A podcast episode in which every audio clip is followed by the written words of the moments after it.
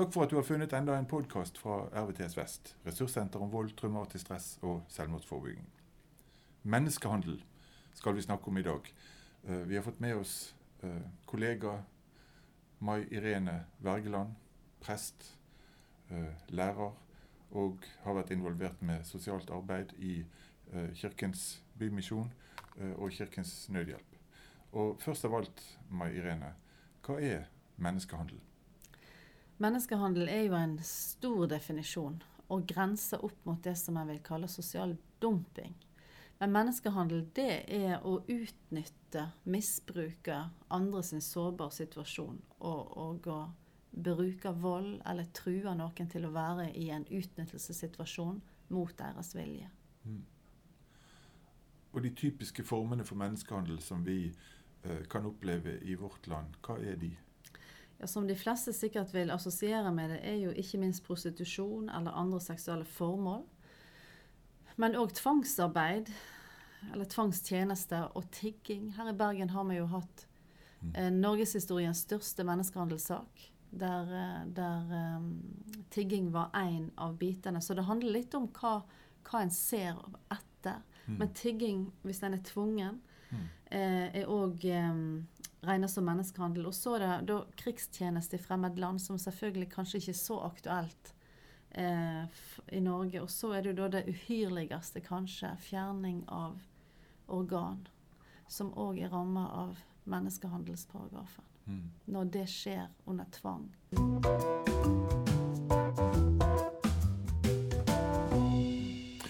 Du nevnte innledningsvis eh, Palermo-protokollen. Ja. og kan vi forstå at Folk som bor i Palermo, er veldig glad i bokstaven P, men det var tre P-er der du, ja, du, nevnte. Og det, det var, var, det noe sånt som med prevention, prosecution and protection. Ja. Kan du si litt om det? Ja. Opprinnelig var det de tre, og så har, blitt, så har den blitt endret til, til, prevention, suppress and punish.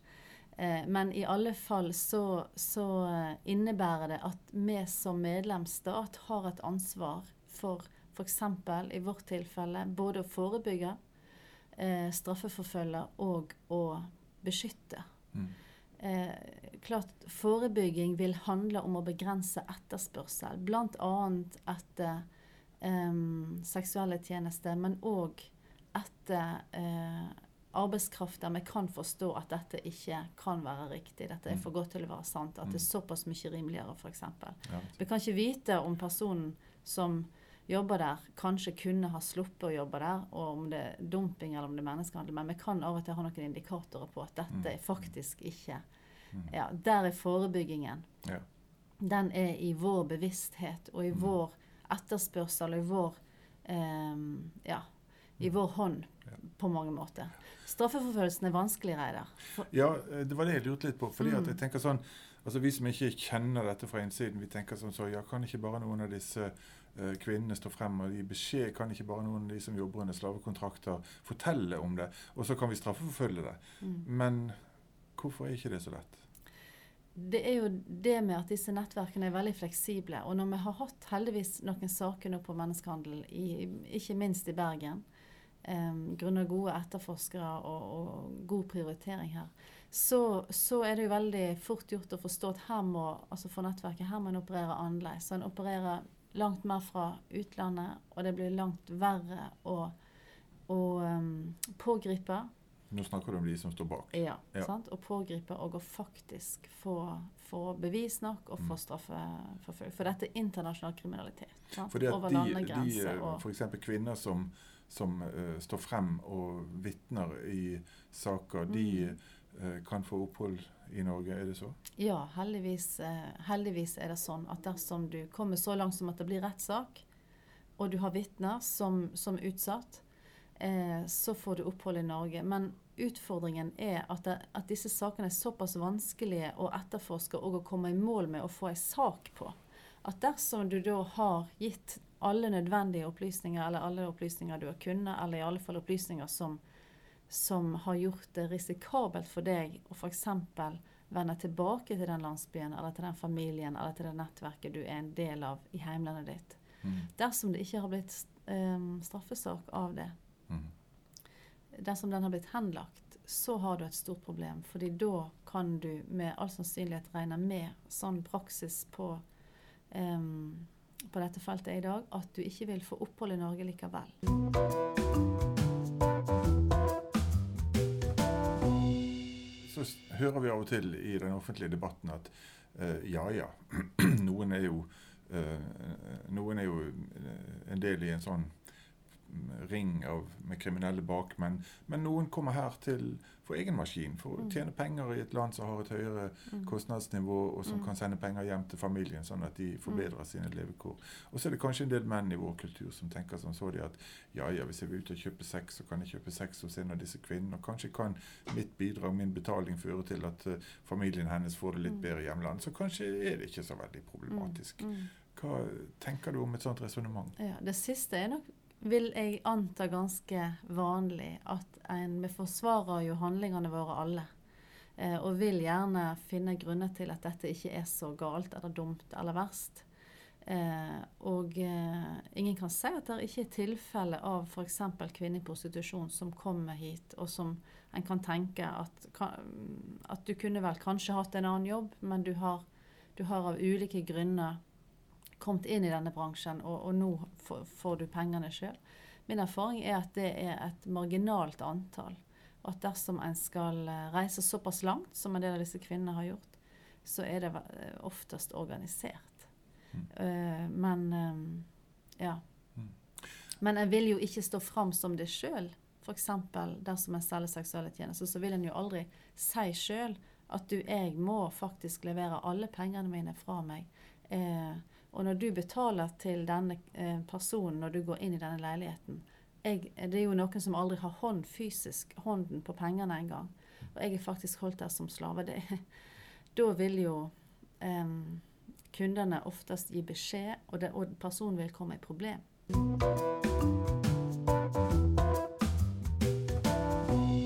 Eh, hvis eh, helsepersonell eller andre folk innenfor sosial hjelpeapparat, nødetater, um, møter mennesker som de tenker at hm, um, kan, kan det tenkes at dette er en person som lever under sånne forhold som du beskriver der? Mm. Hva, hva ville du tenke at det ville være lurt for dem å spørre om, f.eks., og undersøke? Mm. Det er klart det er jo enkelte nasjonaliteter som går igjen som opprinningsland, der det er beviselig lettere å rekruttere personer inn i menneskehandel, og der det fins kriminelle nettverk som beviselig gjør det. Og det er klart, hvis noen er fra et sånn høyfrekvent opprinningsland, som f.eks. Eh, Nigeria har vært til nå, eh, Romania, eh, i en viss grad Bulgaria, eh, viss grad Filippinene, eller så, så vil jeg jo med trygghet kunne si at eh, jeg ser at du opprinnelig er derifra. Jeg vet ikke om dette i hele tatt passer på deg eller på noen du kjenner, men, men jeg vet at en del fra ditt opprinnelsesland eh, blir tatt hit mot sin vilje. eh, Og blir tvungen til å være her mot sin vilje. Han kan spørre er, det, er dette sånn for deg, er dette sånn for noen du kjenner. Da vil jeg at du vet om at i landet vårt så har, så har en da rettigheter. Mm. Eksempel, en, en kan spørre um, er det sånn at du har du ditt eget pass. Um, får du beholde pengene for det arbeidet du gjør? Uh, hvis, en, hvis en er i en tillitsposisjon og kan spørre kan jeg spørre hvor mye tjener du i morgen, hvor mye får du ut av dette? Fordi mange vil jo ikke vite hva, hva en tilsvarende eller en reell lønn ville vært i Norge. Mm. Eh, Kan du bevege deg fritt? Mm. Eh, blir, blir familien din hjemme trua på noen måte dersom du ikke gjør som, Mm. som de som har brakt deg hit, vil? Mm. Eh, er du i en eller annen avhengighetsposisjon til de som har brakt deg hit? Har du blitt nekta mat, søvn, medisinsk tilsyn? Kan du fritt kontakte familie og venner? Nå ramser jeg opp mye, men Ja. veldig mye handler om frihet. Mm. Persons frihet. Er du fri til å gjøre som du vil? Ja. Og personen vil jo aldri svare nei. Eh, vil jeg tro på første, dersom det er første kontakt Men det, å, men det å si at i vårt land er dette ikke lov Her har du rettigheter. Du har muligheter til å komme ut av denne situasjonen. Enten det gjelder deg eller andre. Og stiller spørsmålene og så noen frø. Og hvis, det, hvis du da får bekreftet noe av dette, eller får Mm. hvert fall styrket din eh, mistanke om at dette gjelder dette Mm. mennesket som du snakker med, uh, hva tenker du vil være en farbar vei videre? Mm. Det spørs selvfølgelig hvem som spør, om, om det er en som allerede er i hjelpeapparatet som spør og avdekker. Eh, men hvis ikke, så har vi jo en akuttelefon, eh, fordi en har jo rett på eh, på en måte trygt bosted eller trygt oppholdssted umiddelbart. Det nummeret kan en ringe, og så vil en bli satt i kontakt med, med eh, eh, kommunale organ eller etater som, som disponerer dette. Enten lokalt eller en annen plass dersom det oppleves tryggere. Politiet og andre osv.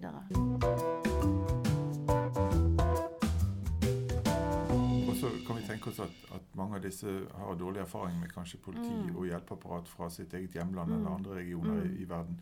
Um, hva, eh, jeg vil jo tro at de kanskje i utgangspunktet da vil, vil benekte på alle punkter det Mm. som du spør etter. Mm. Um, har, er det faktisk slik at de har uh, trygghet i Norge, hvis de står frem?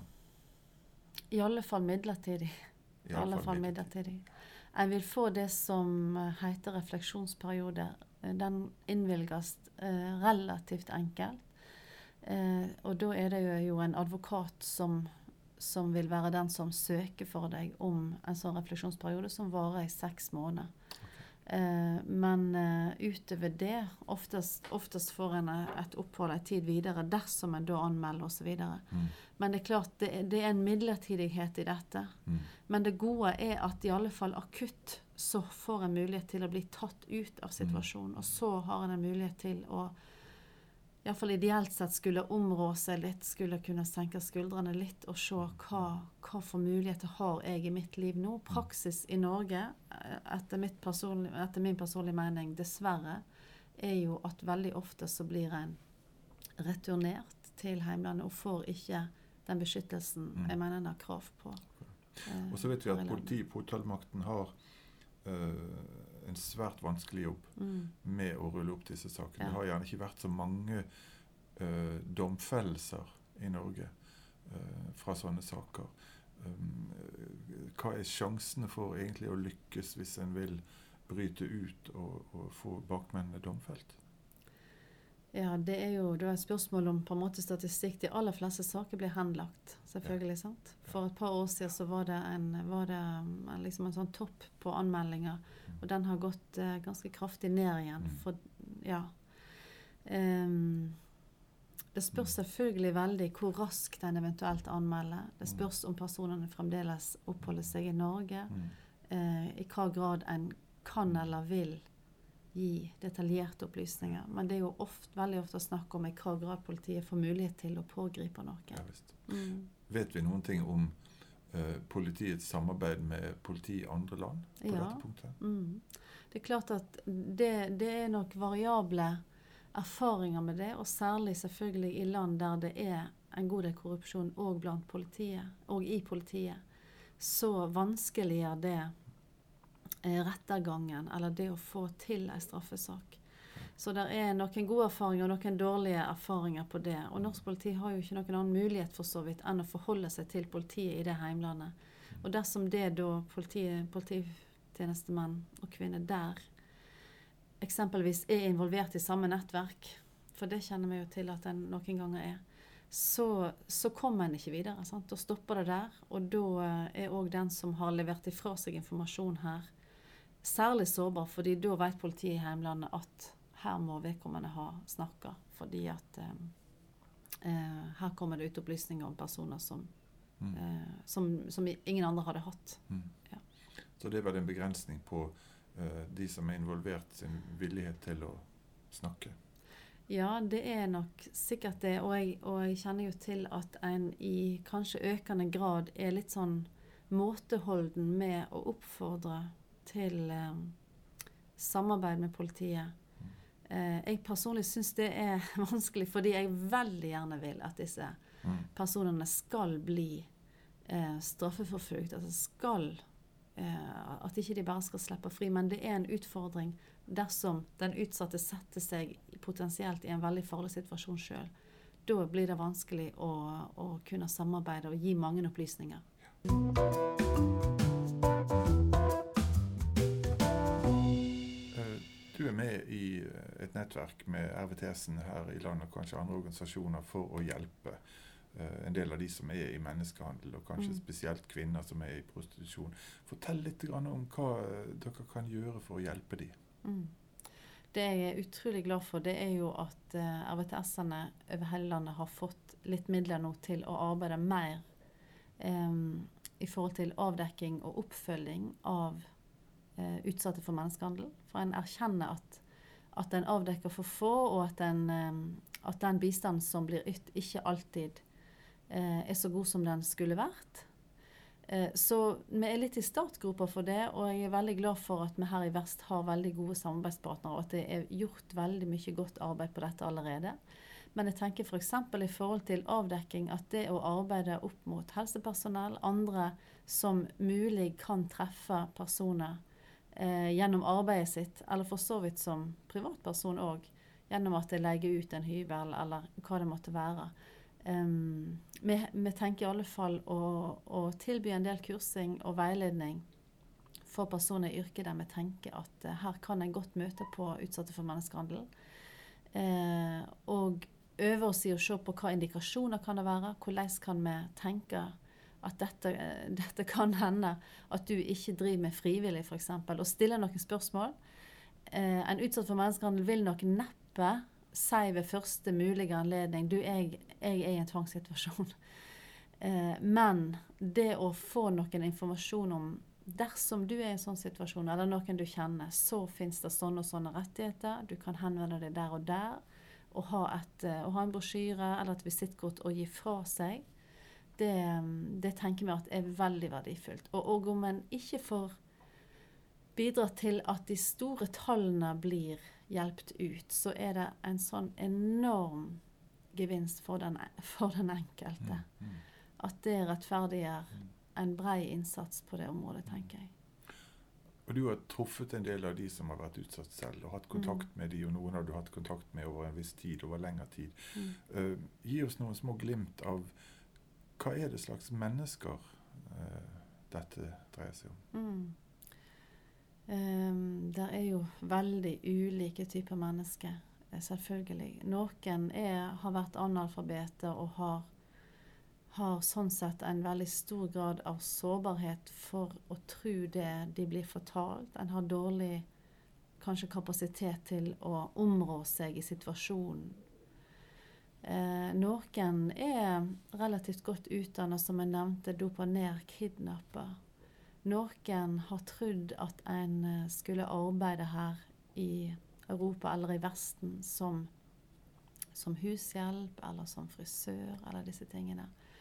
Men det er jo mennesker som har påført veldig store em, skader, vil jeg si, og som i varierende grad greier seg godt etterpå. Jeg er veldig takknemlig for å ha fått følge en del som det òg har gått veldig godt med. Eh, og eh, ja Har en enorm respekt for hva en kan klare seg gjennom. Og de har drømmer og håp, kanskje. Ja, visst har en det. Visst har en det. Og som alle andre ønsker å bli sett som, eh, som et alminnelig menneske. Og jeg kan aldri glemme dem. Når vi hadde når, vi, når jeg arbeidet i Kirkens Bymisjon, så hadde vi jo ei varmestue, og vi hadde vi hadde òg gudstjeneste på kveldene. En del av de som da var brukere, var jo mange fra Nigeria og var sterkt religiøse kvinner. Og, og hvor tårene trilla på, på de over å bli møtt som mennesker, og ikke som prostituerte, på et vis. Så det å, det å når, Dersom en har vært ufrivillig i en bransje der en har måttet selge seksuelle tjenester, hvor ekstremt fornedrende det kan være.